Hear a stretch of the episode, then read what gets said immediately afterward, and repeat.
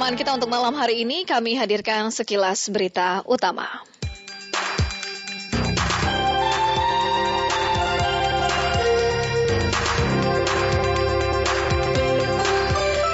Kasus positif COVID-19 di Indonesia bertambah 1.142 orang dan kasus kematian meningkat 58 jiwa per minggu 3 Oktober 2021.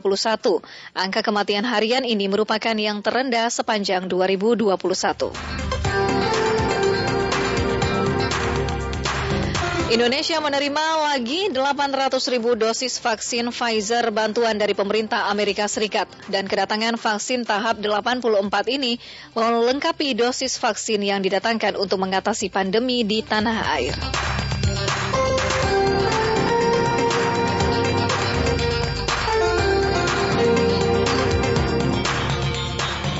Korea Utara mengecam Dewan Keamanan PBB yang mengadakan pertemuan darurat mengenai uji coba rudal terbaru Korea Utara. Mereka menuduh negara-negara anggota PBB tengah bermain-main dengan bom waktu.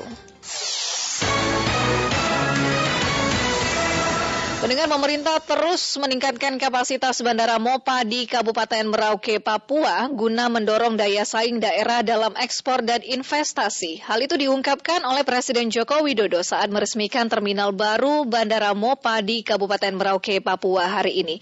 Rini Hairani melaporkan selengkapnya.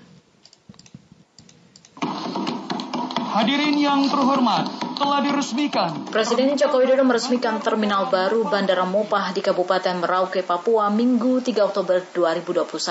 Dalam peresmian tersebut, Kepala Negara mengatakan pemerintah akan terus meningkatkan kapasitas bandara yang berada di ujung timur Indonesia ini. Guna mengantisipasi meningkatnya jumlah penumpang, mobilitas, serta aktivitas ekonomi masyarakat. Jokowi juga berpesan kepada Gubernur Papua dan Bupati Merauke agar dapat memanfaatkan bandara tersebut dengan sebaik-baiknya agar dapat meningkatkan kesejahteraan masyarakat Merauke. Bandara Mopah Merauke yang berada di ujung paling timur Indonesia ini terus kita kembangkan. Dan terminal baru ini kita harapkan bisa meningkatkan kualitas pelayanan terhadap penumpang dan kita harapkan makin tertata, makin bersih dan makin nyaman agar penumpang terlayani dengan baik di bandara ini. Ke depan Kapasitas terminal bandara ini akan terus ditingkatkan untuk mengantisipasi peningkatan jumlah penumpang, mengantisipasi peningkatan mobilitas masyarakat dan aktivitas ekonomi yang ada.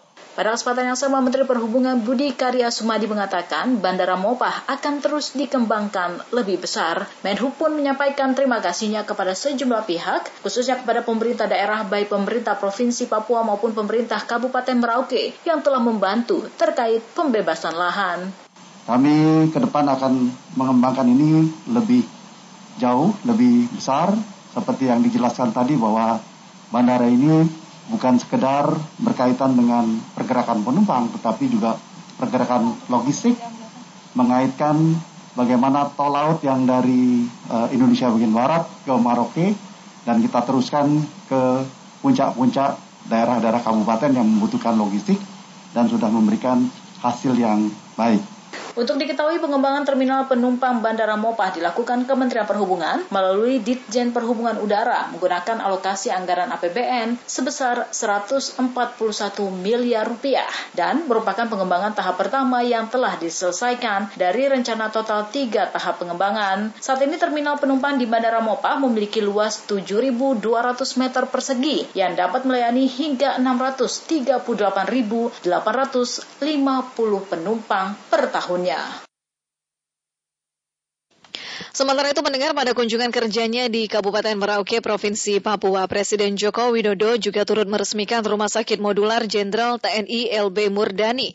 Menurut Presiden, Rumah Sakit Jenderal TNI LB Murdani ini dibangun dengan sangat cepat, yakni sekitar 20 hari.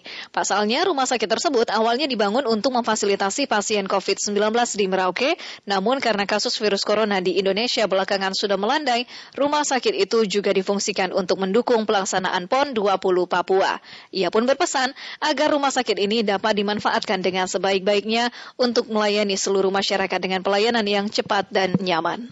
Rumah sakit ini dibangun sangat cepat, kurang lebih 20-an hari. Ini sebetulnya diperuntukkan khusus dalam rangka kecepatan kita menangani COVID-19 di Papua, khususnya di Kabupaten Merauke. Tapi karena kasus-kasus COVID-19 sekarang ini sudah menurun, sudah melandai, ini juga selain untuk mendukung pelaksanaan PON ke-20 di Papua, ini nanti juga bisa dimanfaatkan pasca PON untuk melayani seluruh masyarakat yang ada.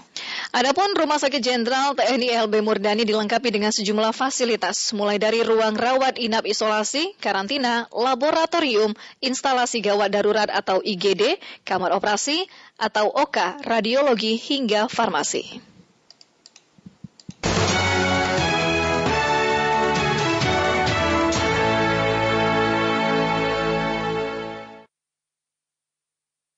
Pendengar warga penyintas bencana alam 28 September 2018 mengharapkan kepada pemerintah kota Palu untuk memberikan perhatian khususnya penyediaan hunian tetap bagi warga yang tidak memiliki hak atas tanah. Berikut Iketut Wiranata melaporkannya. Permintaan kami ke Pak Wali bagaimana Pak Wali memikirkan orang-orang yang tidak punya alas hak berupa SKPT karena di sini di tempat kami ini masih ada beberapa orang yang tinggal yang tidak dapat stimulan kemudian menunggu huntap Tiga tahun pasca bencana alam gempa bumi, tsunami, dan likuifaksi 28 September 2018 yang meluluh lantakan sebagian besar wilayah kota Palu, Sigi, dan Donggala, sampai saat ini masih menyisakan berbagai persoalan, khususnya penyediaan hunian tetap bagi warga penyintas.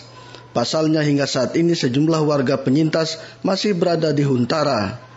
Anto penyintas Huntara Donggala Kodi Kecamatan Ulujadi Kota Palu kepada RRI mengatakan pihaknya sangat mengharapkan perhatian dari pemerintah Kota Palu khususnya kepada penyintas yang tidak memiliki alas hak atas tanah untuk dapat menempati huntap seperti warga lainnya mengingat masa tinggal di Huntara sudah berakhir. Permintaan kami ke Pak Wali bagaimana Pak Wali memikirkan orang-orang yang tidak punya alas hak berupa SKPT karena di sini di tempat kami ini masih ada beberapa orang yang tinggal yang tidak dapat stimulan kemudian menunggu huntap. Karena mereka awalnya dari rumah-rumah kos pada pasca gempa, rumah-rumah kontrakan, tetapi mereka stay di tempat dari tenda sampai masuk ke Huntara sampai saat ini. Itu mereka tidak pernah bergeser dari itu. Karena menunggu kepastian pemerintah bagaimana bentuk warga-warga yang tidak punya alas hak untuk mendapatkan dan disetarakan seperti orang-orang yang punya sertifikat supaya mendapatkan hunian yang layak. Menanggapi hal itu, Wali Kota Palu Hadianto Rasid mengatakan pihaknya masih berupaya agar pembangunan hunian tetap dapat berjalan sesuai rencana. Karena itu ia mengharapkan kepada warga penyintas yang masih tinggal di Huntara yang belum mendapatkan haknya, jangan membuat kegaduhan. Menurutnya hal ini dapat menghambat pembangunan huntap yang ada di kota Palu. Saya ingin memperlihatkan kepada masyarakat bahwa tanah yang diberikan pemerintah kepada masyarakat Talise itu betul-betul diatur. Jadi ketika itu berjalan, pembangunan huntap pun berjalan. Sehingga masyarakat Talise melihat, oh iya betul, pemerintah kita tidak bohong dengan kita.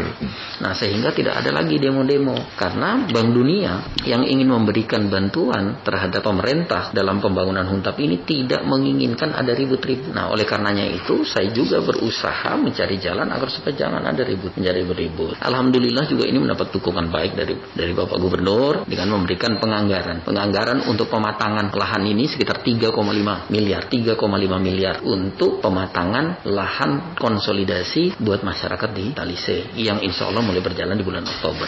Dikatakan dalam mendukung upaya penyiapan huntap bagi warga penyintas yang ada di kota Palu, pihaknya telah menyiapkan anggaran senilai 3,5 miliar rupiah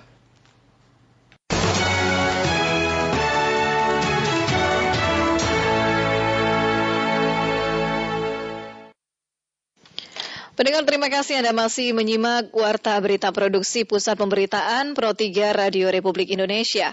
Pemerintah Kota Yogyakarta terus berupaya mempersiapkan destinasi wisata sesuai ketentuan pelaksanaan aktivitas wisata pada masa saat ini. Dinas Pariwisata Kota Yogyakarta menyebut 17 kampung wisata telah mengajukan syarat mendapatkan sertifikat CHSE dan QR Code Peduli Lindungi. Dian Parwanto melaporkan selengkapnya. QR Code itu nanti salah satunya adalah CHSE atau protokol kesehatan. Kalau Kota Yogyakarta kan sebenarnya punya mekanisme sendiri namanya protokol kesehatan itu juga bisa diajukan. Perkembangan pariwisata di kota Yogyakarta melalui kampung wisata terus dioptimalkan meski aktivitas pariwisata pada saat ini belum dapat dilaksanakan di seluruh destinasi wisata di wilayahnya. Pemerintah kota melalui Dinas Pariwisata Kota Yogyakarta mengajukan 17 kampung wisata untuk mendapatkan sertifikat protokol kesehatan atau CHSE ke Kementerian Pariwisata dan Ekonomi Kreatif. Kepala Dinas Pariwisata Kota Yogyakarta Wahyu Hendratmoko mengatakan berbagai upaya terus dilakukan pemerintah Kota Yogyakarta agar seluruh destinasi wisata maupun kampung wisata memiliki kesiapan ketika nantinya aktivitas pariwisata kembali dibuka. Selain sebagai bagian dari pariwisata yang memiliki memiliki daya tarik bagi wisatawan di seluruh Indonesia. Upaya-upaya yang dilakukan juga sebagai bentuk komitmen dalam penyelenggaraan wisata yang sehat pada masa pandemi saat ini. Tapi memang bertahap kan sekarang dari hotel, restoran, pusat perbelanjaan, itu pun yang teman-teman kami yang hotel itu banyak yang belum bisa mendapatkan QR code, masih kesulitan, tapi masih terus dicoba-coba terus. Di kewenangannya dinas pariwisata di kampung wisata tadi ya? Hmm, kampung wisata itu, 11 kampung wisata itu. Di sisi lain, Wakil Wali Kota Yogyakarta Heru Purwadi mengatakan protokol-protokol kesehatan yang diterapkan di seluruh destinasi wisata dipastikan telah siap menyambut wisatawan. Heru juga telah meminta seluruh destinasi wisata melengkapi protokol kesehatan dengan mengajukan QR Code peduli lindungi maupun kelengkapan sertifikat CHSE. Yang penting bagi kita semuanya harus punya dengan kesadaran bersama. Yang datang ke Jogja juga melengkapi persyaratan-persyaratan yang diperlukan. Para guru perjalanan yang membawa mereka datang ke Jogja juga harus patuh dengan ketentuan-ketentuan. Begitu juga warga yang datang itu juga patuh dengan ketentuan. Sebenarnya kita welcome saja semua. Tidak ada problem dan kita memang sudah menyiapkan seluruh destinasi wisata untuk siap dan kemarin saya sudah sudah minta beberapa minggu yang lalu sudah minta mereka untuk ikut memproses QR code peduli lindungi. Nah, supaya eh, CHSE yang dipersyaratkan itu nanti juga betul-betul bisa dilaksanakan. Selain mempersiapkan destinasi wisata sesuai ketentuan, Dinas Pariwisata Kota Yogyakarta juga mengembangkan inovasi untuk memudahkan wisatawan mengetahui potensi-potensi dari 17 kampung wisata melalui Kamelia yang diakses melalui aplikasi Jogja Smart Service. Dinas Pariwisata juga terus mengembangkan dan melakukan pembinaan kepada 13 embrio kampung wisata lain di wilayahnya. Dian Parwanto, RRI, melaporkan. Sementara itu mendengar pengelola kopi lereng Merapi Balerante Kemalang, Klaten mentargetkan pemasaran produk kopi hingga ke luar negeri. Harapan itu disampaikan perangkat desa Balerante Kemalang, Klaten, Jainu kepada RRI. Selengkapnya dilaporkan Adam Susanto ya sebenarnya kopi itu anu apa namanya tidak ada kopi itu yang enak dan yang tidak enak. Semuanya kopi itu enak, artinya selera orang masing-masing. Sejak zaman Belanda, kawasan lereng Merapi dikenal sebagai penghasil kopi walaupun sempat hilang karena harga rendah. Kopi lereng Merapi kini mulai bangkit lagi termasuk di wilayah Desa Balirante, Kemalang Klaten. Perangkat Desa Balirante, Kemalang Klaten, Jainu menyatakan dalam dua tahun terakhir, para petani di wilayah itu mulai mengembangkan tanaman kopi yang ditanam di salah-salah tanaman lainnya, sehingga secara luasan memang tidak diketahui secara persis. Jainu menyebut untuk pengelola produksi kini dikelola oleh generasi muda atau petani milenial mereka nanamnya sedikit-sedikit di kebunnya masing-masing. Jadi tidak bisa kita lihat hamparan kebun kopi sehektar dua hektar tidak bisa. Ya untuk pasca panen dikelola oleh teman-teman anak-anak kelompok kelompok pro, proses kopi ini dikelola. Kemudian mereka berusaha belajar ke teman-teman bagaimana untuk pengolahan pasca panen yang benar yang baik sehingga menghasilkan kopi yang diharapkan oleh para pecinta Dikatakan kopi tersebut jika proses dan pengelolaannya dilakukan dengan bagus untuk pangsa pasar tidak ada masalah dan mereka akan datang sendiri. Jainu juga menyatakan jika produksi kopi Bali Rantai nantinya sudah cukup besar dan dapat memenuhi kebutuhan secara luas, maka pangsa pasar luar negeri akan menjadi targetnya. Ia mencontohkan ada warga Bali Rantai yang bekerja di Korea membawa kopi Bali Rantai ternyata diterima di sana. Pengelola kopi Bali Rantai, Julianto mengaku terjun di dunia kopi kopi karena peminat kopi sekarang ini sudah semakin meningkat. Proses pasca panen oleh para petani milenial dilakukan dalam satu tahun terakhir. Nah, modal awal dulu cuma 2 juta. Terus sampai sekarang itu sudah 15 juta pemutaran uangnya. Satu musim panen. Satu tahun? Kalau kelompoknya 32 orang, tapi kalau yang proses itu cuma 8 orang. Sejauh ini permintaan kopi Baliranti cukup banyak seperti Sumedang, Jawa Barat, Jakarta, Sumatera, Solo, Jogja, dan juga Klaten sendiri. Sementara secara terpisah pengelola kopi Petro Sidoarjo Kemalang Klaten pada minggu malam juga akan menggelar kegiatan dalam rangka memperingati Hari Kopi. Hal yang dilakukan minum kopi sepuasnya dan bayar seikhlasnya. Pengelola kopi Petro Sukiman menyatakan hasil dari penjualan itu akan disumbangkan untuk membantu kaum difabel. Dirinya mengundang siapa pun untuk datang dengan tetap protokol kesehatan. RRI Surakarta, Adam Santo melaporkan.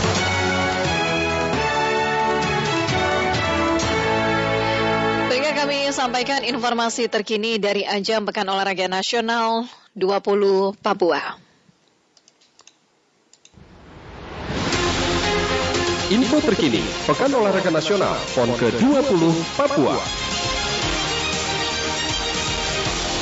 Info pertama dari Arena PON 20 Papua, tim sepak takraw putri Jawa Tengah berhasil meraih medali emas setelah mengalahkan juara bertahan Jawa Barat di partai final yang berlangsung di Gor Trikora Jayapura petang tadi. Rian Apridani menyampaikan laporan langsung dari Jayapura, Papua. Rian?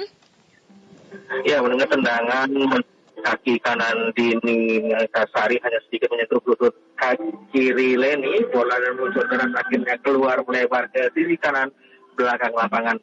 Dan ini adalah momen saat uh, tim Jawa Barat memenangkan um, partai final putri uh, di Gor Trikora Universitas Cendrawasih petang tadi.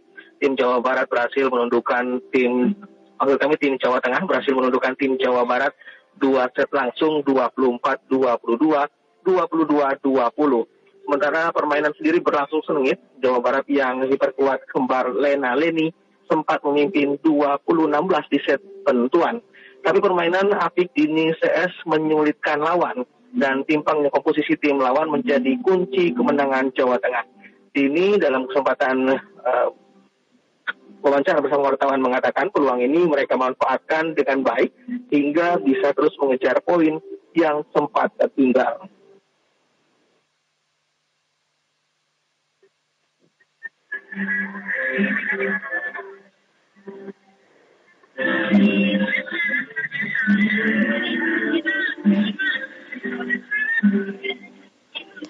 Ya, Rian, kami kurang jelas mendengar dari uh, suara narasumber, ya. Tidak hanya mengincar medali emas, Dini ternyata juga menyimpan ambisi lain pada partai final di PON kali ini, di mana kemenangan ini sekaligus menjadi ajang balas dendam bagi Jawa Tengah, di mana pada PON ke-19 Jawa Barat lalu, mereka dikalahkan tuan rumah dan harus puas dengan membawa pulang medali perak. Dan sementara ini medali perunggu juga di nomor ini masing-masing diraih oleh Sulawesi Tengah dan Jawa Barat setelah tersingkir pada babak semifinal. Jawa Barat berhasil menundukkan Sulawesi Tengah dengan skor 2-0. Sementara Jawa Tengah lolos ke final setelah menundukkan Jambi dengan skor 2-0. Dan sementara itu, untuk cabang sepak takraw sendiri masih mempertandingkan 9 nomor, di antaranya nomor putra dan nomor putri yang akan bertanding besok dan juga pada tanggal 5 Oktober 2021. Demikian dari Arena PON Papua 2021, Rian Apridani melaporkan kembali ke Jakarta. Selanjutnya kita ke Merauke. Kemenangan telak 7-0 tim sepak bola putri Papua semakin mendekatkan tuan rumah untuk meraih emas pertama kali di Pekan Olahraga kali ini dan sekaligus mengawinkan gelar juara sepak bola putra dan putri. Rosihan Anwar melaporkannya dari Merauke. Rosihan? Ya pendengar RRI di mana pun Anda berada, saat ini saya berada di Merauke setelah kemenangan tim putra uh, sepak bola Papua dengan skor 2-0 atas Nusa Tenggara Barat di Stadion Mandala Jayapura. Ternyata tim putri tidak uh, tidak ingin mening meninggalkan momentum yang baik dan mereka berhasil berpesta gol 7-0 tanpa balas dalam derby Papua yang berlangsung sore tadi di Stadion Katapal Merauke. Pada kesempatan sore hari tadi, tujuh gol dilesakan oleh anak asuh Priagung Dani Atmojo ke gawang Papua Barat.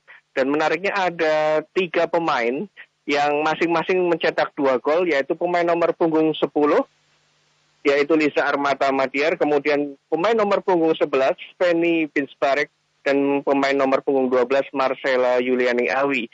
Dan untuk sementara Papua memimpin klasemen grup A untuk babak penyisian sepak bola putri yang berlangsung di Merauke.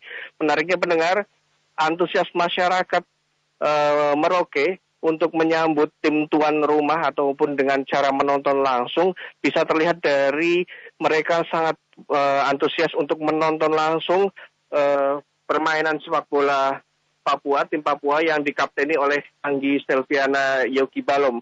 Pada kesempatan sore hari tadi, hampir sekitar 5.000 orang memadati stadion uh, Katapal di Merauke, padahal seharusnya menurut aturan uh, stadion hanya diperbolehkan maksimal uh, diisi oleh 2.500 orang.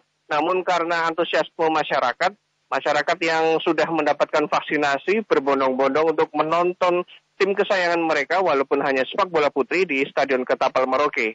Dan pendengar untuk pertandingan selanjutnya, Merauke maksud kami tim sepak bola putri Papua akan menghadapi lawan yang cukup berat pada hari Selasa eh, 5 Oktober besok di Stadion Katapal Merauke. Sementara untuk Senin 4 Oktober untuk sementara waktu untuk pertandingan sepak bola putri akan diistirahatkan terlebih dahulu.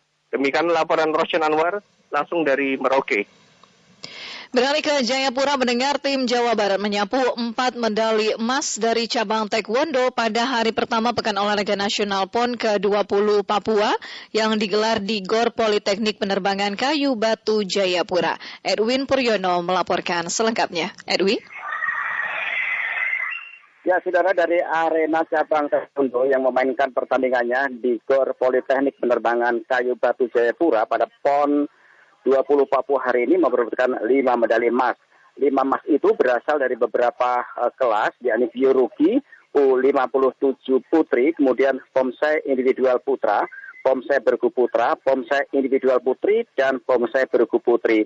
Satu medali emas yang sempat menjadi perhatian dari puluhan penonton yang datang langsung ke GOR tetap dengan menggunakan prokes ketat adalah di kelas biologi U57 Putri yang diikuti 9 peserta. Akhirnya, setelah menyelesaikan tiga babak Taekwondo In asal Jawa Barat, Akila Aulia Ramadhani di kelas biologi atau pertarungan itu berhasil meraih medali emas bagi kontingennya setelah di babak final mengalahkan Taekwondo In asal Jawa Tengah Nabila Amalia Amin dengan skor 20-14.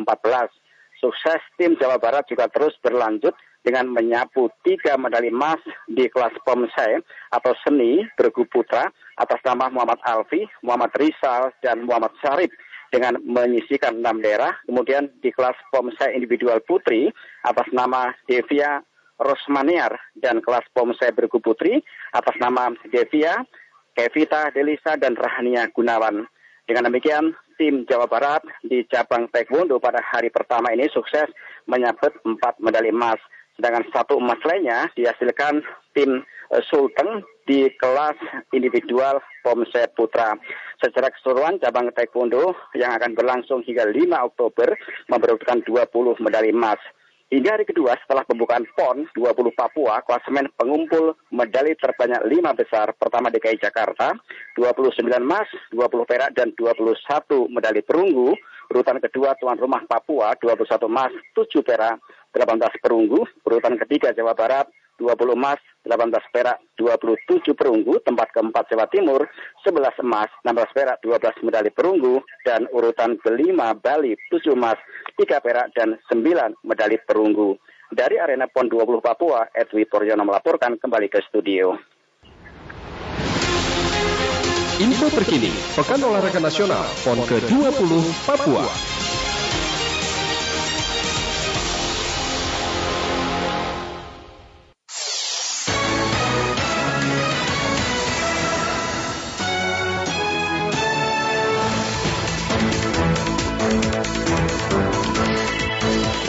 Demikian warta berita untuk malam hari ini. Kami akan hadir kembali dengan sejumlah informasi lainnya di ruang dengar Anda tetaplah bersama kami.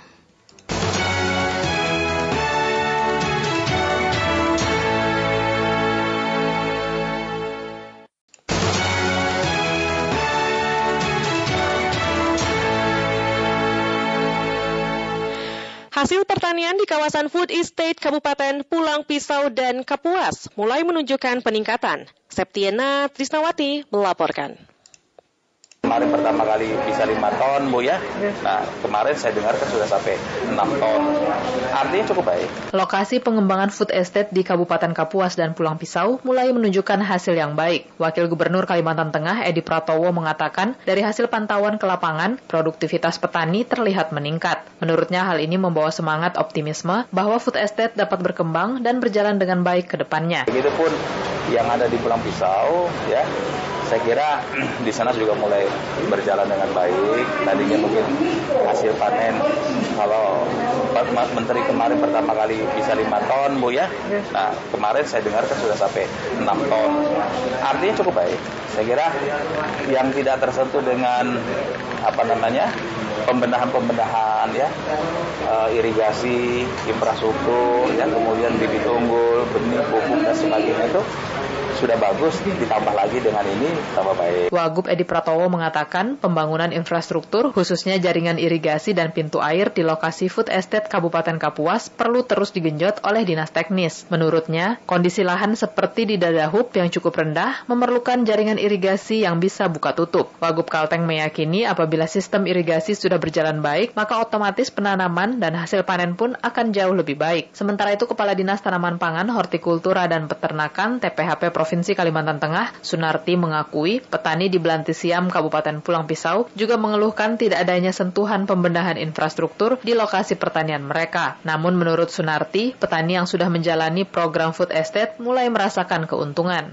Kendala utama yang dikeluhkan ya alam yang nggak bisa kita lawan ya. karena di daerah situ memang tahun ini belum ada sentuhan dari PUPR gitu loh. Hmm. Itu keluhan utama dia. Kalau setelah program ini pertaniannya mereka sangat senang sekali. Uh, meskipun di awal mengikuti program tertatih-tatih karena biasanya dia hanya nanam dua kali disuruh nanam tiga kali, tapi begitu menerima hasilnya baru dia bisa bicara gitu. Kepala Dinas TPHP Kalteng ini mengatakan indeks pertanaman di Desa Belantisiam, Kabupaten Pulang Pisau sudah naik dari IP2 menjadi IP3.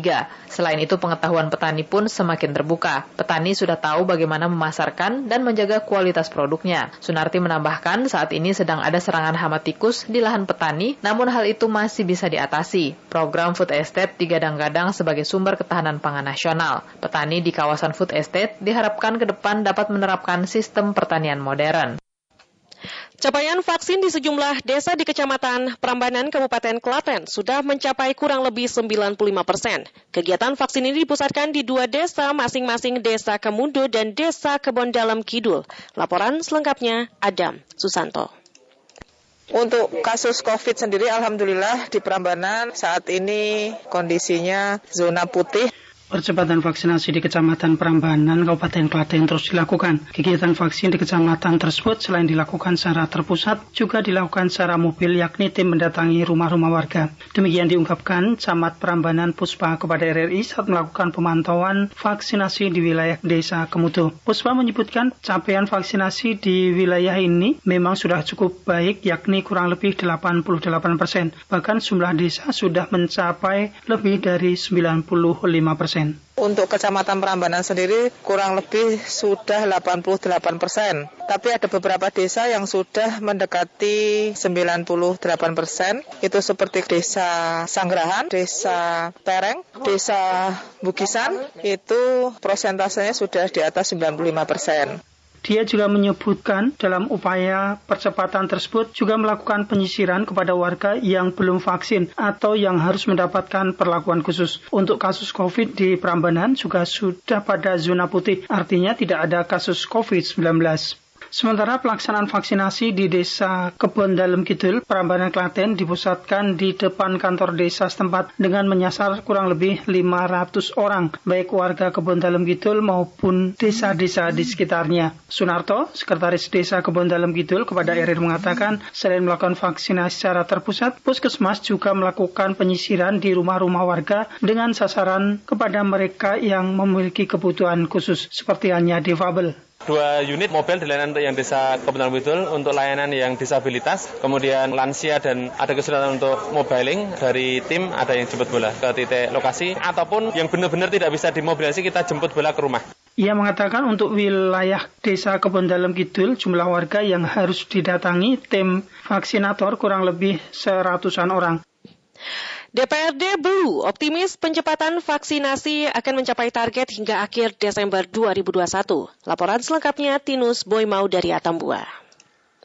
Membantu pemerintah Kabupaten Belu dalam mempercepat cakupan vaksinasi bagi masyarakat Kabupaten Belu, Palang Merah Indonesia PMI Kabupaten Belu gelar vaksinasi massal bertempat kantor Desa Kabuna, Kecamatan Kakuluk Mesak. Kegiatan ini terlaksana atas dukungan pemerintah Kabupaten Belu dalam hal ini Dinas Kesehatan dan International Community Red Cross atau Palang Merah Internasional. Kepala Markas PMI Kabupaten Belu Ian Cetai kepada RRI menjelaskan, pelaksanaan vaksinasi dosis pertama ditargetkan sebanyak 10.000 dosis jenis vaksin Sinovac dan AstraZeneca. Untuk pelaksanaan kegiatan vaksinasi yang diinisiasi oleh PMI Kabupaten Belu, Yance menuturkan akan dilaksanakan sebanyak 20 kali. Vaksinnya itu kita menyesuaikan dengan apa yang tersedia di Pemda, karena eh, PMI memang dijanjikan untuk dibantu vaksin 6.000 dosis, tapi sampai hari ini belum terrealisir oleh eh, PMI Pusat. Tetapi kami memang ini berproses, kami menunggu. Nah, eh, untuk saat ini vaksin itu menggunakan vaksinnya Pemda, jadi Sinovac dan Astra, Seneca. Target kami itu 20 kali. Jadi hari ini di Desa Kabunan, nanti hari Selasa di Kelurahan Manumutin, hari Rabu di Tulakadi, hari selanjutnya di Sadi, Umaklaran, kembali lagi ke Kebuna selama 20 kali. Namun demikian jelas Yance dengan melihat tingginya antusiasme masyarakat, PMI Kabupaten Belu dalam perencanaan ke depan kembali akan melaksanakan kegiatan yang sama dan hal ini akan dibicarakan lebih lanjut dengan pemberi dana sehingga bisa membantu lebih banyak orang untuk divaksinasi. Mudah-mudahan tahap keduanya kami bisa dibantu lagi dan kami akan membantu pemerintah vaksin lebih banyak orang lagi. Hari ini bisa dilihat antusiasme. Hari ini tadi kami edarkan 250 nomor antrian, ternyata eh, jumlah mereka yang datang melampaui itu. Jadi saya sampaikan jangan pulang, setelah 250 divaksin, kita bagi lagi nomor antrian berapa banyak yang hari ini hadir akan divaksin keseluruhannya. Jadi tadi Pak Kadis eh, PLT Kadis Kesehatan sudah menyiapkan 1000 dosis khusus untuk kegiatan hari ini. Yance berharap lewat kegiatan vaksinasi massal, PMI bisa membantu untuk menyerap 20 sampai dengan 70 persen dari target 1000 dosis pada kegiatan perdana vaksinasi massal. Terima kasih mendengar Anda masih mendengarkan Warta Berita Produksi Radio Republik Indonesia. Dalam rangka memperingati Hari Batik Nasional serta menumbuhkan rasa cinta terhadap batik sebagai warisan leluhur, Ikatan Istri Dokter Indonesia atau IIDI Cabang Solo membagikan baju batik gratis kepada para pedagang maupun pekerja di sekitar Pasar Gede Solo. Laporan selengkapnya, Arga Dirgantara memperingati Hari Batik Nasional, Mas. Kita berbagi batik. Ikatan Istri Dokter Indonesia II di Jabang Solo membagikan baju batik gratis kepada para pedagang maupun pekerja di sekitar Pasar Gede Solo. Kepada wartawan di sela pembagian batik, Ketua Ikatan Istri Dokter Indonesia II di Jabang Solo Sri Mulyani Sih Prasetyadi mengatakan aksi bagi-bagi batik ini dalam rangka memperingati Hari Batik Nasional yang jatuh setiap tanggal 2 Oktober. Sri mengatakan pembagian batik kali ini menyasar para pedagang, kuli panggul, tenaga kebersihan, satpam, tukang becak di sekitar Pasar Gede Solo. Terdapat sekitar 200-an baju batik yang dibagikan anggota IIT kepada para pekerja dan pedagang di Pasar Gede Solo. Dikatakan Sri, selain memperingati Hari Batik Nasional, aksi tersebut juga sebagai bentuk kepedulian terhadap sesama di tengah pandemi COVID-19. Mengingat sandang atau pakaian juga menjadi salah satu kebutuhan pokok masyarakat. Sri berharap dengan memperoleh baju batik, masyarakat dapat ikut nguri-nguri batik sebagai warisan leluhur yang harus terus dilestarikan. Dan kita ingin menumbuhkan rasa cinta kepada batik batik sebagai warisan leluhur mas dan kita tahu ya pada pada masa pandemi sekarang ini keadaan ekonomi baru kurang baik ya mas jadi mungkin mereka-mereka tidak sempat lagi atau tidak mampu lagi membeli batik. Sementara itu salah satu pegawai kebersihan Pasar Gede Solo Ira Soeharto mengaku bersyukur bisa mendapat bantuan baju batik. Menurutnya baju batik menjadi salah satu pakaian kesukaannya saat menghadiri acara resmi. Ya senang lah dipakai di rumah. Suka kalau buat jatuh pasti pakai batik Adapun selain membagikan bantuan sandang bagi masyarakat di masa pandemi, IID juga sudah melakukan aksi sosial sebelumnya dengan membagi kebutuhan pokok lain seperti sembako maupun sarana prasarana kesehatan. Karya batik tulis yang diproduksi langsung oleh pelajar SMK Negeri 1 Ampek Angke, Kabupaten Agam, Sumatera Barat banyak diminati pembeli di penjuru tanah air. Ahmad Isan melaporkan dari Bukit Tinggi. Mudah-mudahan batik tidak hanya diminati di Indonesia, tetapi juga diminati secara global di dunia. Setiap tanggal 2 Oktober di Indonesia dikenal dengan Hari Batik Nasional sejak ditetapkan oleh UNESCO pada 2 Oktober 2009 silam sebagai warisan kemanusiaan untuk budaya lisan non-bendawi. Seiring waktu, batik tetap berkembang menjadi salah satu dasar pakaian dan fashion kekinian sehingga ditelik oleh masyarakat dunia. SMK Negeri 1 Ampe Angke, Kabupaten Agam saat ini pamornya semakin melejit pasca mendapatkan kunjungan dari berbagai tokoh penting nasional, provinsi, dan kabupaten kota di Indonesia terhadap jurusan tekstil dan batik yang dipilih para peserta didiknya. Sehingga pembelajaran itu menghasilkan karya batik yang bernilai tinggi. Tentu karya bahan batik tulis yang diproduksi langsung di sekolah ini telah diminati para pembeli di penjuru tanah air. Kepala SMK Negeri 1 Ampe Angke, Kabupaten Agam Gusti Kamal kepada RRI mengatakan, Pihaknya apresiasi kunjungan sejumlah nama seperti anggota DPR RI Ade Rizky Pratama, Wakil Gubernur Sumatera Barat Audi Junaldi, Bupati Agam Andri Warman, anggota DPRD Kabupaten Agam yang meninjau langsung bengkel kerja peserta didik yang dilatih oleh tenaga guru berkompetensi nasional serupa Meli Tafsya Amir Pilyang hingga menghasilkan kain batik dengan motif khas Minangkabau dan motif dari daun asli tanaman. Hingga saat ini sekolah yang dipimpinnya mampu menghasilkan batik tulis dengan pewarnaan menggunakan bahan kimia dan bahan alami. Dikatakan ditetapkannya tanggal 2 Oktober sebagai Hari Batik Nasional menjadi bukti pengakuan dan minat masyarakat di seluruh penjuru tanah air hingga dunia. Bahkan hasil karya batik tulis SMK Negeri 1 Ampe Angke Kabupaten Agam ini sekarang lebih diminati oleh masyarakat terutama yang berada di kawasan sekolah. Namun, untuk menghasilkan bahan dasar pakaian berbahan batik tulis ini membutuhkan waktu relatif lama jika dibandingkan dengan batik cap dan printing. SMK Negeri 1 Ampe Angke sambut baik perhatian publik terhadap kompetensi keahlian karya kreatif batik dan tekstil ini, sehingga keinginan untuk memberikan pelatihan bagi warga yang berminat untuk ikut mempelajari keterampilan dan keahlian ini tidak hanya sebatas wacana, melainkan segera diwujudkan di lapangan. Menurutnya jika ada warga sekitar sekolah yang mampu menekuni keterampilan batik tulis, maka satuan pendidikan yang dipimpinnya dapat memberikan peluang munculnya lapangan kerja baru bagi masyarakat sekaligus pembuktian pembelajaran berbasis produk melalui sinergi sekolah dengan industri atau teaching factory. Mudah-mudahan batik tidak hanya diminati di Indonesia, tetapi juga diminati secara global di dunia menjadi salah satu pilihan bahan fashion yang mendunia. Kira-kira begitu, Pak. Meli Tafsya Amir Piliang, salah seorang guru kompetensi keahlian karya kreatif batik dan tekstil SMK Negeri 1 Ampe Angke, Kabupaten Agam menyebutkan, pihaknya optimis program pembelajaran batik ini berpeluang mendapatkan animo bagi generasi muda, terutama para peserta didik. Walaupun sekarang jumlah pelajar yang memilih jurusan batik masih kecil jika dibandingkan dengan jurusan atau program keahlian lain. Disebutkan minimnya minat itu disebabkan oleh persepsi anak muda sekarang terhadap penguasaan ilmu yang seharusnya instan diperoleh, sementara untuk mempelajari seni batik butuh sejumlah tahapan yang dilewati. Ditambahkan peserta didik yang memiliki kompetensi keahlian karya kreatif batik dan tekstil di SMK Negeri 1 Ampe Angke, Kabupaten Agam memang ada, tetapi tidak maksimal dengan total kuota per kelas yang berkisar rentang 16 hingga 25 orang pelajar. Akan tetapi pihaknya akui terdapat pelajar yang awalnya memilih jurusan atau program keahlian lain malah pindah ke kompetensi keahlian karya kreatif batik. Nah, anak sekarang itu kan kebanyakan yang lebih suka instan. Jadi instan itu artinya lebih suka yang enak-enak, yang tidak susah, tidak sulit. Kalau membatik ini kan rumit.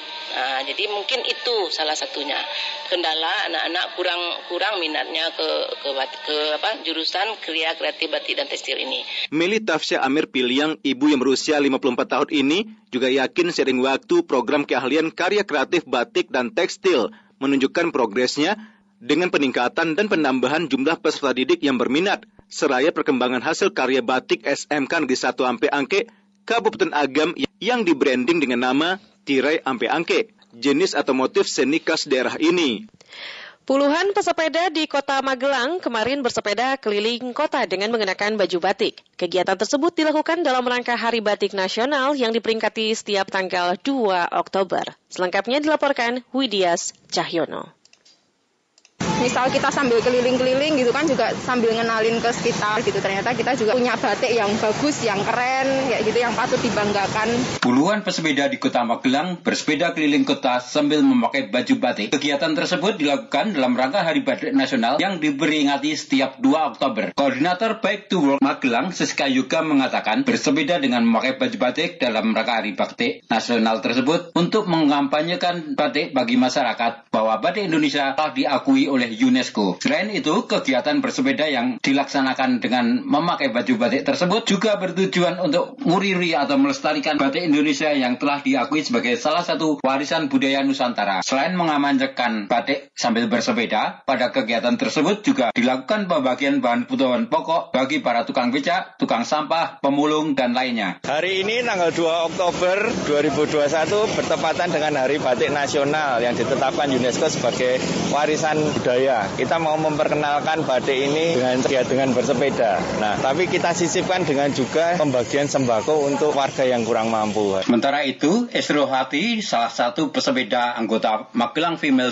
Cyclist, mengatakan dengan bersepeda memakai baju batik merupakan suatu kebanggaan tersendiri karena bisa menumbuhkan kesadaran dan mencintai budaya nasional khususnya batik. Memperingati Hari Batik juga ya Pak, selain itu kan juga untuk ya, menumbuhkan rasa bangga terhadap buatan Indonesia. Dan... Kegiatan yang dimulai dari Tugu Anim yang merupakan titik nol kilometer kota Magelang tersebut menuju ke sejumlah ruas jalan yang ada di kota itu dan diikuti pesepeda dari beberapa komunitas sepeda di Magelang.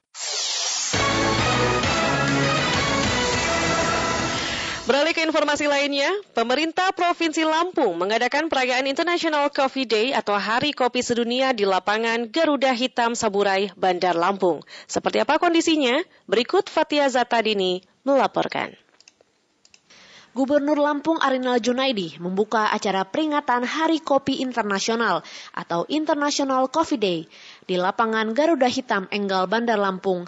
Acara ditandai dengan minum kopi serentak bersama gubernur dan mengunjungi sejumlah stan kopi IKM yang turut berpartisipasi dalam acara tersebut. International Coffee Day atau Hari Kopi Sedunia dirayakan pada 1 Oktober setiap tahunnya. Kegiatan tersebut merupakan perayaan keragaman, kualitas, dan semangat sektor kopi. Momentum ini menjadi kesempatan bagi para pecinta kopi untuk berbagi kecintaannya pada minuman kopi sekaligus mendukung jutaan petani yang mata pencahariannya bergantung pada kopi. Dalam sambutannya, Gubernur Lampung Arinal Junaidi menjelaskan bahwa Indonesia merupakan negara penghasil biji kopi terbesar keempat di dunia setelah Brazil, Vietnam, dan Kolombia dengan produksi rata-rata sebesar 744 ribu ton per tahun atau sekitar 7 persen dari produksi kopi dunia. Di sisi lain, Gubernur Arinal terus berkomitmen dalam meningkatkan produksi kopi Lampung dan perekonomian petani kopi Lampung. Di antaranya akan memberikan bantuan unit processing kepada petani sehingga mampu meningkatkan pendapatan petani kopi. Kopi sebagai industri memberikan multiplier effect yang luas, bukan hanya bersinggungan pada petani, pabrik pengolah kopi, pedagang, dan supplier kopi, pebisnis kafe, kedai kopi, restoran, maupun eksportir. Indonesia adalah penghasil biji kopi terbesar keempat di dunia setelah Brazil, Vietnam, dan Kolombia dengan produksi rata-rata 744 ribu ton per tahun atau sekitar 7 persen dari produksi kopi dunia dan Provinsi Lampung menjadi salah satu provinsi penghasil kopi terbesar di Indonesia.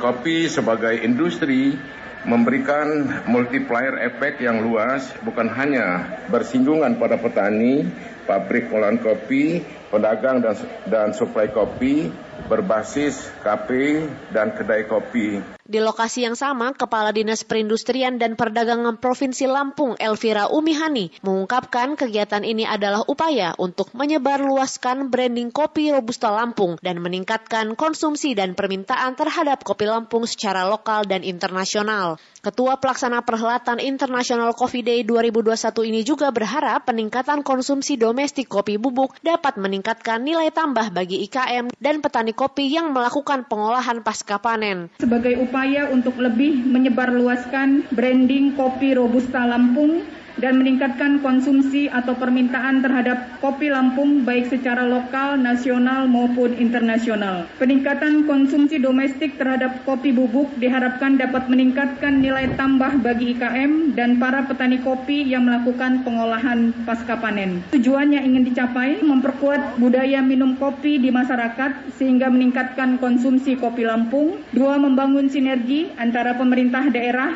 perguruan tinggi, industri, pelaku IKM, am petani kopi dan stakeholder lainnya untuk lebih mengembangkan kopi Lampung baik dari aspek budidaya, pengolahan maupun pemasaran. Memotivasi petani untuk terus berproduksi, meningkatkan produktivitas dan standar kualitas panen kopinya. Meningkatkan kepedulian masyarakat terhadap petani dan pelaku IKM kopi. Melalui International Coffee Day 2021 yang diinisiasi oleh Dinas Perindustrian dan Perdagangan Provinsi Lampung bekerja sama dengan seluruh industri kecil menengah yang ada di Provinsi Lampung diharapkan sebagai ajang promosi peningkatan konsumsi kopi dan memperkuat budaya minum kopi yang sudah mengakar sejak lama bagi masyarakat Provinsi Lampung.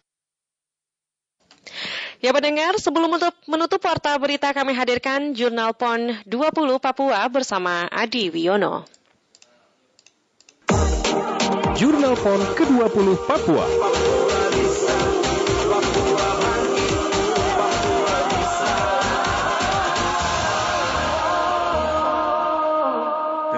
Mengucap Bismillahirrahmanirrahim, dengan nama Tuhan yang Maha Pengasih lagi Maha Penyayang, Pekan Olahraga Nasional PON ke-20 Papua secara resmi saya nyatakan dibuka.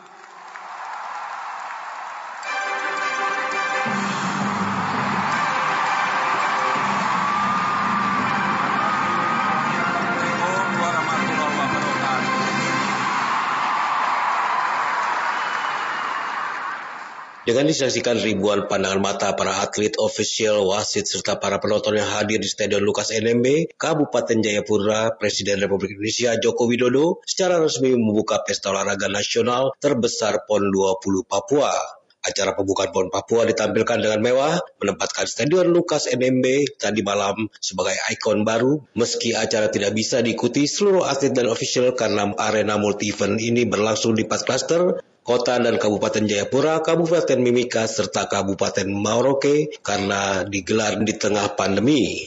Dalam pesannya, Presiden Joko Widodo menyampaikan PON 20 Papua menggambarkan kemajuan di Pulau Papua dan menjadi makna besar bagi seluruh masyarakat Indonesia.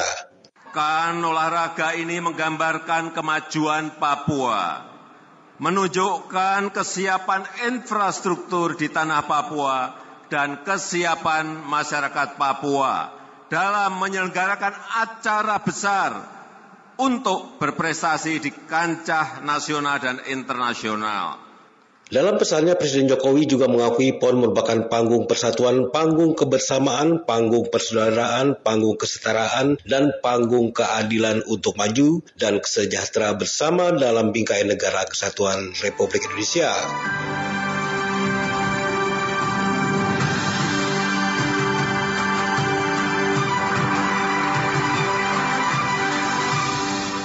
Sementara itu, Gubernur Papua Lukas NMB dalam kesempatan sambutannya menegaskan gelaran Pekan Olahraga Nasional di Bumi Cendrawasih merupakan kemenangan bersama seluruh rakyat Indonesia.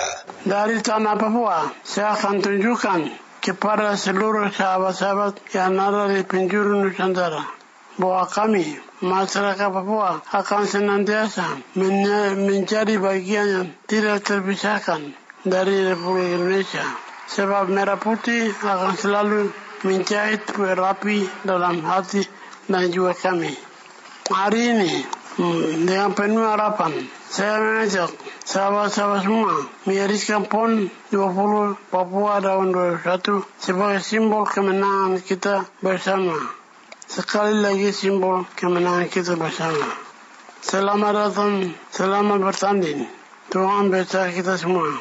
Tuhan bisa. Wah, wah, wah.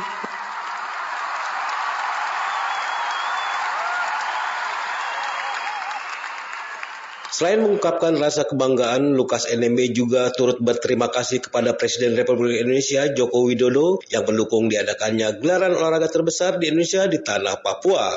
Meski hanya dihadiri sekitar 25 persen dari kapasitas Stadion Lukas NMB, acara pembukaan PON 20 tetap berlangsung meriah ditandai dengan 8 atlet legenda Papua antara lain Lisa Rumwewas, mantan lifter putri peraih medali perak Olimpiade Sydney 2000 dan Olimpiade Athena 2004, Benny Mainani juara tinju Asia 1977 serta Immanuel Daundi peraih medali emas kejuaraan dunia silat 1992 di Jakarta menunjukkan Papua memiliki nama besar dunia olahraga.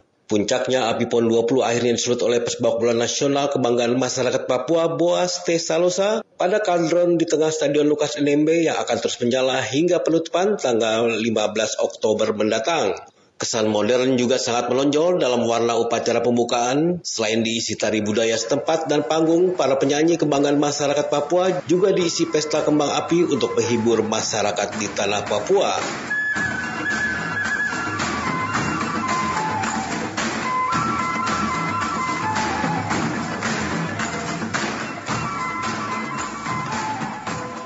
Pekan Olahraga Nasional PON 20 Papua diikuti sekitar 6.442 atlet dari 34 provinsi se-Indonesia mempertandingkan 37 cabang olahraga yang terdiri dari 56 disiplin dan 681 nomor pertandingan. Sebelum digelarnya upacara pembukaan telah berlangsung pertandingan cabang olahraga, bahkan menjadi kontribusi perolehan medali bagi seluruh kontingen peserta. Hingga kemarin kontingen DKI Jakarta sementara masih memimpin daftar perolehan medali dengan 28 emas, 15 perak, dan 20 perunggu. Tuan rumah Papua masih menempati urutan kedua dengan meraih 17 medali emas, 5 perak, dan 13 perunggu. Posisi ketiga ditempati Jawa Barat memperoleh 11 emas, 15 perak, dan 25 perunggu. Peringkat keempat sementara diduduki kontingen Jawa Timur merebut 11 emas, 15 perak, dan 8 perunggu. Serta kontingen Bali berada di posisi 5 besar dengan 7 emas, 3 perak, dan 7 medali perunggu. Hari ini PON 20 Papua mempertandingkan 10 cabang olahraga yakni senam, panjat tebing, sepatu roda, muay thai, terbang layang, bola basket, bola voli, sepak takraw, sepak bola, dan polo air. Dari 10 cabang olahraga itu, di antaranya memperutkan medali emas masing-masing sepatu roda, senam, dan muay thai. Demikian jurnal hari pertama Pekan Olahraga Nasional PON Papua disampaikan tim liputan Radio Republik Indonesia langsung dari Papua.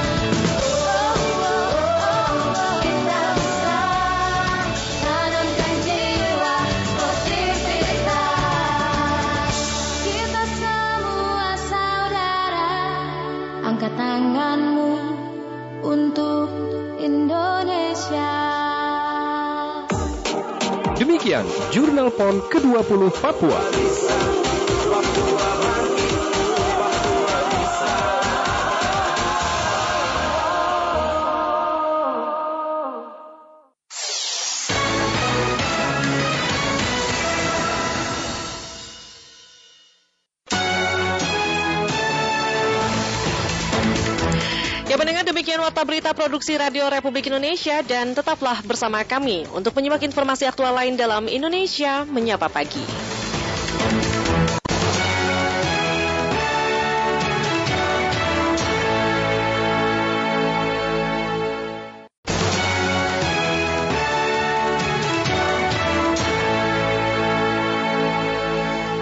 Presiden Jokowi berharap pos lintas batas negara atau PLBN SOTA dapat meningkatkan keamanan di wilayah perbatasan, mendorong pertumbuhan sentra-sentra perekonomian baru, dan hal tersebut pendengar disampaikan oleh Kepala Negara saat meresmikan PLBN SOTA di Kabupaten Merauke, Papua hari ini. Rini Hairani melaporkan selengkapnya. Pos lintas batas negara terpadu SOTA saya nyatakan diresmikan. Penabuhan Tifa tersebut menjadi penanda diresmikannya pos lintas batas negara atau PLBN Sota yang terletak di Kabupaten Merauke, Papua oleh Presiden Joko Widodo pada Minggu 3 Oktober 2021. Kepala negara mengatakan kawasan perbatasan merupakan wilayah terdepan Indonesia yang mewakili wajah bangsa sehingga harus terus dibangun. Pasalnya menurut Jokowi, PLBN harus dapat menjadi representasi kemajuan bangsa yang membanggakan seluruh warga negara. Oleh karena itulah ia berharap PLBN Sota ini memberikan pelayanan yang lebih baik kepada masyarakat Indonesia yang melintasi menuju Papua Nugini serta meningkatkan keamanan perbatasan. Saya melihat PLBN Sota ini dibangun dengan konsep yang terintegrasi, memiliki fasilitas yang lengkap, ada bangunan komersial, ada fasilitas umum dan sosial, mes pegawai, tempat ibadah, ada pasar, ada jalan pedestrian, area parkir, juga infrastruktur pendukung lainnya. Saya berharap PLBN Sota ini akan memberikan pelayanan yang lebih baik dan lebih nyaman kepada masyarakat kita Indonesia yang melintasi perbatasan Indonesia menuju Papua Nugini dan meningkatkan keamanan di wilayah perbatasan serta mendorong pertumbuhan sentra-sentra perekonomian baru dan membuat masyarakat di perbatasan semakin cinta dan bangga terhadap negara kita Indonesia. Sementara itu dalam laporannya Menteri Dalam Negeri Tito Karnavian menyebut kehadiran PLBN Sota di Kabupaten Merauke, Provinsi Papua merupakan awal dari pengembangan kawasan sebagai kawasan pusat pertumbuhan ekonomi baru di perbatasan negara yang dapat bermanfaat tidak hanya untuk masyarakat Papua, namun juga negara-negara tetangga seperti Papua Nugini dan negara Pasifik lainnya. Pembangunan pos lintas batas ini dimaksudkan untuk memenuhi setidaknya tiga hal. Pertama, mewujudkan kawasan perbatasan negara, khususnya pada aspek lintas batas negara yang tertib dan aman. Kedua, perwujudan kawasan perbatasan negara sebagai pusat pertumbuhan ekonomi baru. Dan ketiga, perwujudan kawasan perbatasan negara sebagai halaman depan dan beranda negara atau etalase negara. PLBN Terpadu Sota merupakan PLBN kedua yang dibangun di Papua setelah SKO di Jayapura. Tak hanya itu, PLBN Terpadu Sota merupakan PLBN ke-8 yang telah dibangun di perbatasan Indonesia. Pendengar kini kami juga ingin mengetahui bagaimanakah persiapan pemakaman anggota DPD dan politisi senior PDI Perjuangan Sabam Sirait di Taman Makam Pahlawan Kalibata Jakarta Selatan. Ada reporter kami di sana, Yurika Fitri. Yurika? Ya, ada saat ini saya berada di Taman Makam Pahlawan Kalibata Jakarta Selatan, di mana rencananya pada pukul 4.16 sore hari ini, jenazah tokoh pendiri Partai Demokrasi Indonesia Perjuangan dan juga anggota Dewan Perwakilan Daerah Sabam Sirait rencananya akan dimakamkan di Taman Makam Pahlawan Kalibata, Jakarta Selatan pada pukul 16 sore hari ini.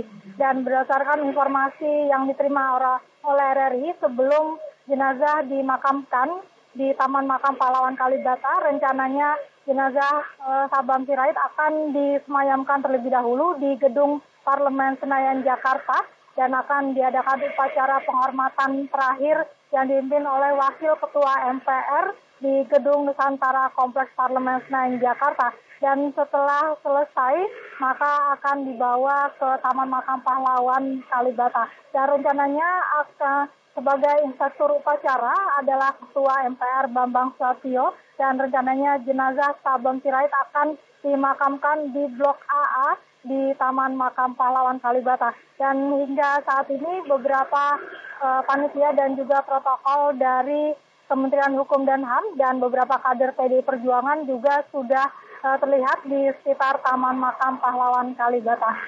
Demikian, Yurika Fitri melaporkan langsung dari Taman Makam Pahlawan Kalibata kembali ke studio.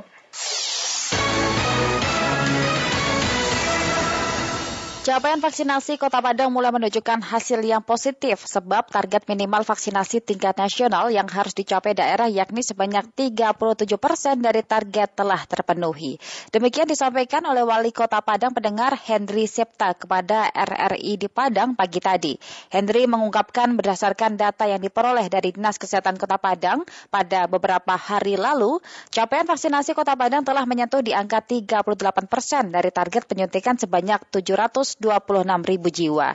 Ia berharap dengan telah terlampauinya target minimal capaian vaksinasi, Kota Padang dapat keluar dari status pembelakuan pembatasan kegiatan masyarakat atau PPKM level 4. Dan saya alhamdulillah didukung oleh Bapak Forkopimda, Bapak Polresta, Bapak Dandim, semuanya. Nah, mereka bertekad juga untuk bagaimana ikut di dalam vaksin yang uh, selanjutnya ya sampai akhir tahun nanti karena ini memang menjadi tujuan kita bersama ya memberikan haknya masyarakat perlindungan yang uh, sehat dari virus Covid corona ini. Wali Kota Padang Hendri Septa menambahkan, kendati pun saat ini pemerintah Kota Padang telah mampu mencapai target minimum, maksud kami minimal vaksinasi dimaksud, namun pihaknya tetap menghimbau masyarakat yang belum divaksin agar segera melakukan vaksinasi COVID-19.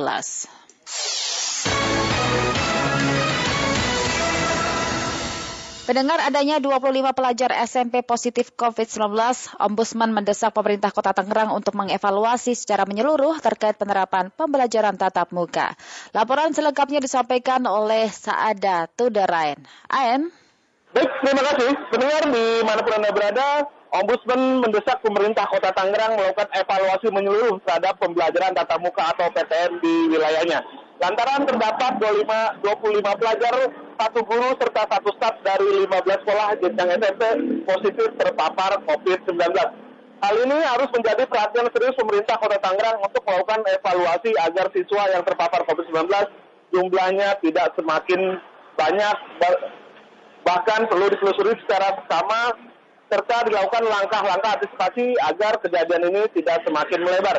Dinas Pendidikan dan Dinas Kesehatan Kota Tangerang harus memastikan kondisi dan situasi sesuai fakta yang ada sehingga tepat dalam mengambil keputusan untuk pembelajaran tatap muka ini. Di samping itu, izin dari orang tua siswa juga menjadi syarat yang harus dipenuhi untuk pemberlakuan pendidikan tatap muka. Kepala Ombudsman dari Perwakilan Banten Dedi Insan menyatakan pihaknya mendukung penerapan PTM namun harus dilakukan sesuai prosedur dan aturan yang ada tidak sedikit jumlah pelajar yang terpapar COVID-19 akibat PTM. Oleh sebab itu, dirinya meminta pemerintah Kota Tangerang melakukan evaluasi menyeluruh terhadap PTM di wilayahnya. Dari program Banten terkait terpaparnya sedikitnya 25 siswa di beberapa SMP yang ada di Kota Tangerang, maka Ombudsman dari program Banten meminta agar uh, wali kota Tangerang, dinas kesehatan Kota Tangerang dan pendidikan Kota Tangerang untuk melakukan evaluasi secara menyeluruh uh, terhadap uh, proses pelaksanaan PTM yang sedang dan akan uh, diberlakukan ya, sampai uh, dengan adanya PTM ini menimbulkan uh, baru. SOP yang digunakan harus uh, jelas uh, dan uh, clear betul-betul gitu ya.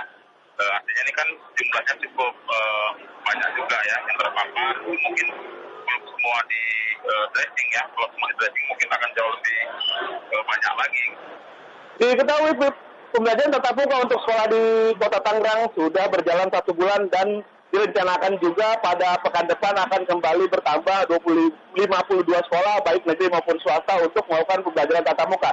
Namun dari 148 sekolah didapati 25 pelajar, satu guru, dan satu staf tata usaha di 15 sekolah positif terpapar COVID-19. Hal itu berdasarkan Dinas Kesehatan menggelar swab acak massal di 18 sekolah dan berhasil mengumpulkan 873 sampel mulai dari siswa, guru hingga petugas sekolah pada 27 sampai 28 September kemarin. Demikian dari Kota Tangerang, pada Saudara Info 3 RRI kembali ke studio.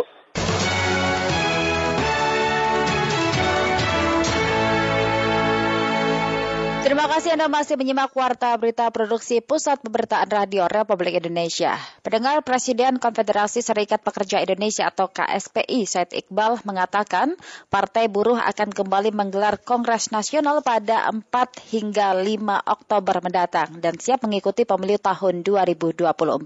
Berikut laporan yang disampaikan oleh Alfred Tuter untuk Anda. Azas partai ini clear, Pancasila. Tidak ada lagi asas di Presiden KSPI Said Iqbal hari ini menggelar jumpa pers resmi persiapan Kongres Nasional Partai Buruh. Menurutnya pelaksanaan bakal dilakukan pada 4 hingga 5 Oktober mendatang di Jakarta dan siap mengikuti pemilu 2024 bila lolos verifikasi pemilu di KPU. Said dalam kesempatan itu menegaskan, identitas kelas perlu diperlihatkan tanpa berkonflik dan berhadapan-hadapan tapi untuk memperjuangkan kepentingan masing-masing dengan cara yang berbeda untuk tujuan yang sama, yakni negara Pancasila. Kongres Partai Buruh yang akan diumumkan susunan pengurusnya yang baru dan juga keputusan-keputusan kongres lainnya jam 10.45 5 Oktober jam 10.45 di Hotel Grand Cempaka, Cempaka Putih. Tentu wajib mengikuti protokol kesehatan PPKM dan aturan-aturan yang berlaku dari pihak hotel. Deklarasi ini langsung mendapat respon beragam dari masyarakat. Ada yang menyambut baik karena semakin banyak pilihan gagasan dalam pemilu mendatang. Ada pula yang ingin melihat gagasan-gagasan yang nantinya dibawa partai ini dalam upaya membangun Indonesia. Saya Lucy, warga Tanah Abang. Menurut saya soal munculnya partai buruh, ya bagus-bagus aja lah ya. Mungkin akan membuat semakin banyak pilihan kepada masyarakat soal partai-partai dan semakin banyak juga mungkin gagasan untuk membangun Indonesia. Nama saya Boy, saya warga Jakarta Selatan. Menurut saya dengan munculnya partai-partai baru ya itu masih sesuatu yang biasa kalau bagi saya. Nanti ya tinggal kita lihat saja bagaimana gagasan ke depannya, program-programnya seperti apa, ya tinggal dibuktikan saja secara praktik.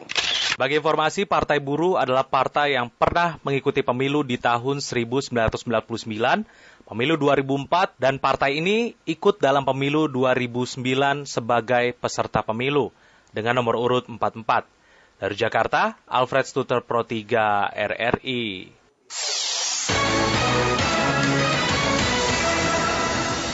Ya, selanjutnya kami akan hadirkan informasi terkini dari ajang Pekan Olahraga Nasional atau PON 20 Papua. Info terkini, Pekan Olahraga Nasional PON ke-20 Papua.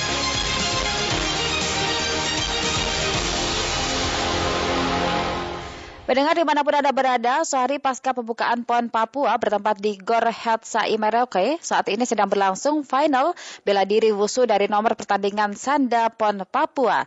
Untuk mengetahui bagaimanakah jalannya pertandingan tersebut, kami akan terhubung dengan reporter kami di sana ada Eligius, langsung dari Gor Sai Merauke. Eligius, selamat siang. Baik, selamat sore. Ya, selamat sore waktu Papua. Ini bagaimana perjalanan uh, pertandingan Sanda Pon Papua hari ini? Baik, terima kasih dan salam olahraga untuk warga Nusantara di mana pun Anda bisa menerima siaran kami saat ini. Saat ini saya berada di Gor Merauke di mana sedang berlangsung pelaksanaan pertandingan partai final cabang olahraga wusu nomor Sanda. Sebenarnya pertandingan cabang olahraga wusu nomor Sanda sudah di langsungkan pada pukul 8.00 waktu Indonesia Timur hanya saja mayoritas masyarakat Papua khusus di Merauke menganut agama Kristen baik Protestan maupun Katolik sehingga ditunda pelaksanaan hingga pukul 14.00 waktu Indonesia Timur. Pertandingan partai final cabang olahraga wusu masih berlangsung sambil menunggu kedatangan Presiden Republik Indonesia Joko Widodo sekaligus ingin menyaksikan dan memantau pertandingan partai final cabur wusu pada nomor sanda.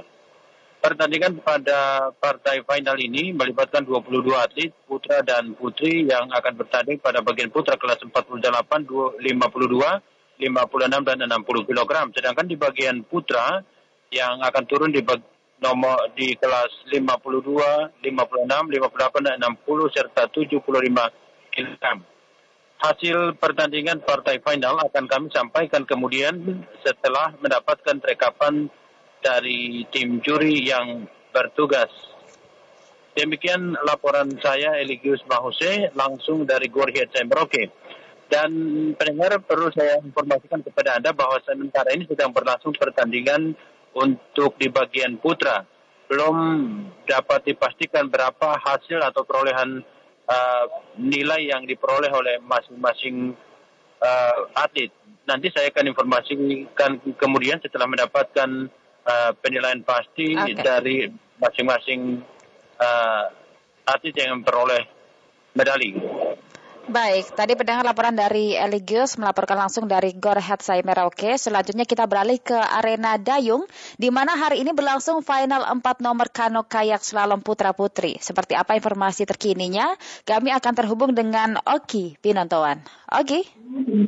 Ya, langsung dari venue Dayung di Teluk Pamutan Jayapura, kami laporkan bahwa saat ini untuk khususnya hari ini, hari Minggu tanggal 3 Oktober 2021, ada cabang final final yang dilombakan di hari ini yaitu di kayak satu putra dan putri kemudian kano putra dan putri dan sudah dua nomor yang sudah uh, tampil dan sudah didapatkan pemenangnya khususnya untuk kayak satu putra dan kayak satu putri.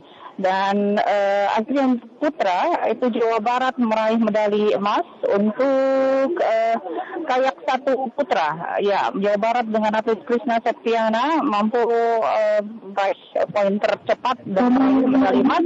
Kemudian dari Banten, Arifal dengan uh, medali perak dan dari Sumatera Selatan Boy Sandi untuk medali uh, perunggu. Sementara untuk uh, ya untuk yang putri, kayak baru saja diumumkan bahwa untuk kayak satu putri slalom emas diraih dikawinkan emas untuk uh, Jawa Barat. Emas atas nama Kirina Kirina Maharani untuk meraih emas. Atlet dari Jawa Barat untuk uh, kayak satu putri. Kemudian medali perak diraih oleh atlet dari Bumi Cendrawasih Novita Kabei dari Papua meraih medali perak sementara dari atlet Sumatera Barat meraih medali perunggu. Dan eh, saat ini persiapan khususnya untuk uh, cabang lomba kanu satu kemudian juga disusul untuk kano satu putri slalom di mana ini memang berbeda dengan eh, kayak atau cabang lomba kayak dan kano yang biasanya karena untuk slalom ini butuh uji dan kekuatan fisik karena melewati lintasan yang sudah disiapkan dengan eh, waktu yang ada kemudian dengan perahu yang juga awalnya akan eh, ditimbang terlebih dahulu dengan eh, berat yang minimal 9 kilo. Kita masih menunggu hasil yang eh, khusus untuk kayak ataupun kano, maksud kami untuk kano putra dan setelah itu akan tampil untuk final kano putri. Demikian langsung dari venue cabang Dayung di Televisi Desa, saya penonton ketiga. Dari. Dari cabur dayung kita beralih ke informasi terkait pertandingan final futsal antara Papua melawan Jawa Barat siang hari ini. Berikut kami akan terhubung dengan Joko Saputra. Joko. Ya benar sekali saya teriakan dan juga yel-yel dari Gor Futsal Kabupaten Mimika.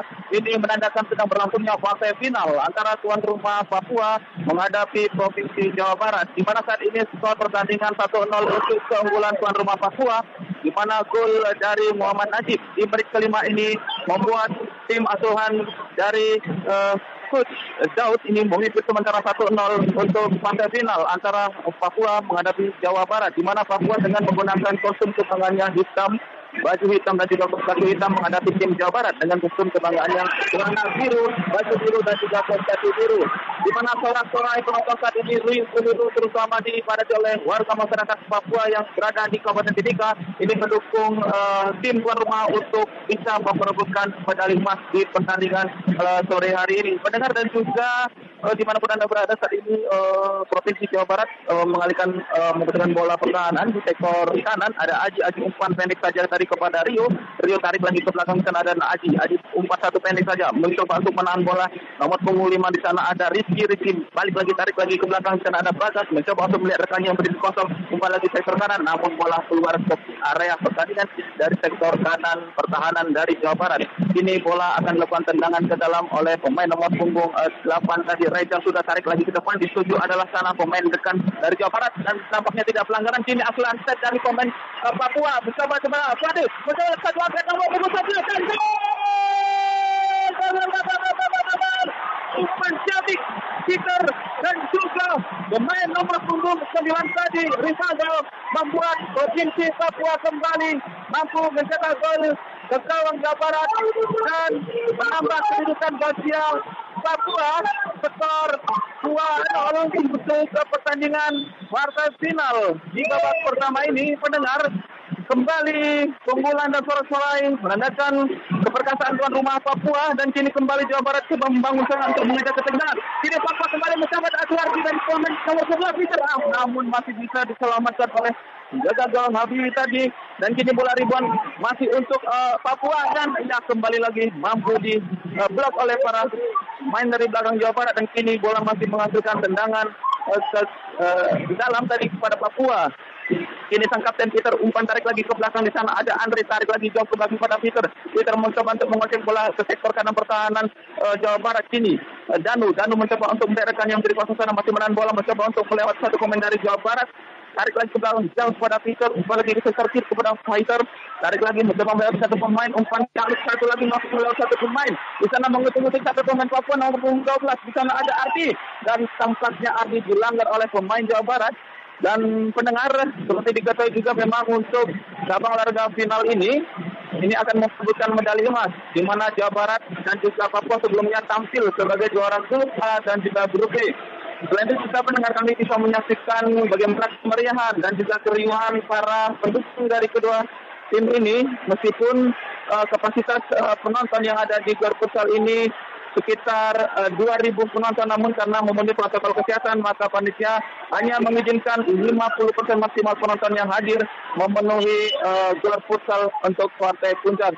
Pendengar 2-0 babak pertama sudah menit ke-10 pertandingan 2-0 untuk keunggulan Papua. Dan untuk hasil selengkapnya nanti kami akan melaporkan lebih lanjut untuk siapa tim yang akan berhak untuk meraih medali emas di arena cabang olahraga futsal di PON 20 Papua. Dari Kabupaten Timika, Joko Saputra melaporkan kita kembali ke Persija Jakarta.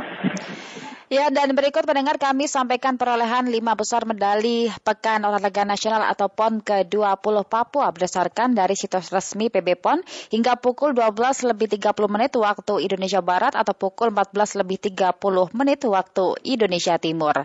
DKI Jakarta masih memimpin dengan 28 emas, 15 perak, 21 perunggu dengan total 64 medali. Diikuti posisi kedua adalah tuan rumah Papua yang berhasil mengemas 19 emas, 5 perak, dan 3 13 perunggu atau 37 medali. Peringkat ketiga adalah Jawa Barat dengan 11 emas, 15 perak dan 25 perunggu atau total 51 medali. Peringkat keempat ada Jawa Timur dengan 11 emas, 16 perak dan 9 perunggu atau total 36 medali. Melengkapi posisi kelima dalam lima besar adalah Bali dengan 7 emas, 3 perak dan 7 perunggu dengan total 17 medali. Info terkini, Pekan Olahraga Nasional PON ke-20 Papua.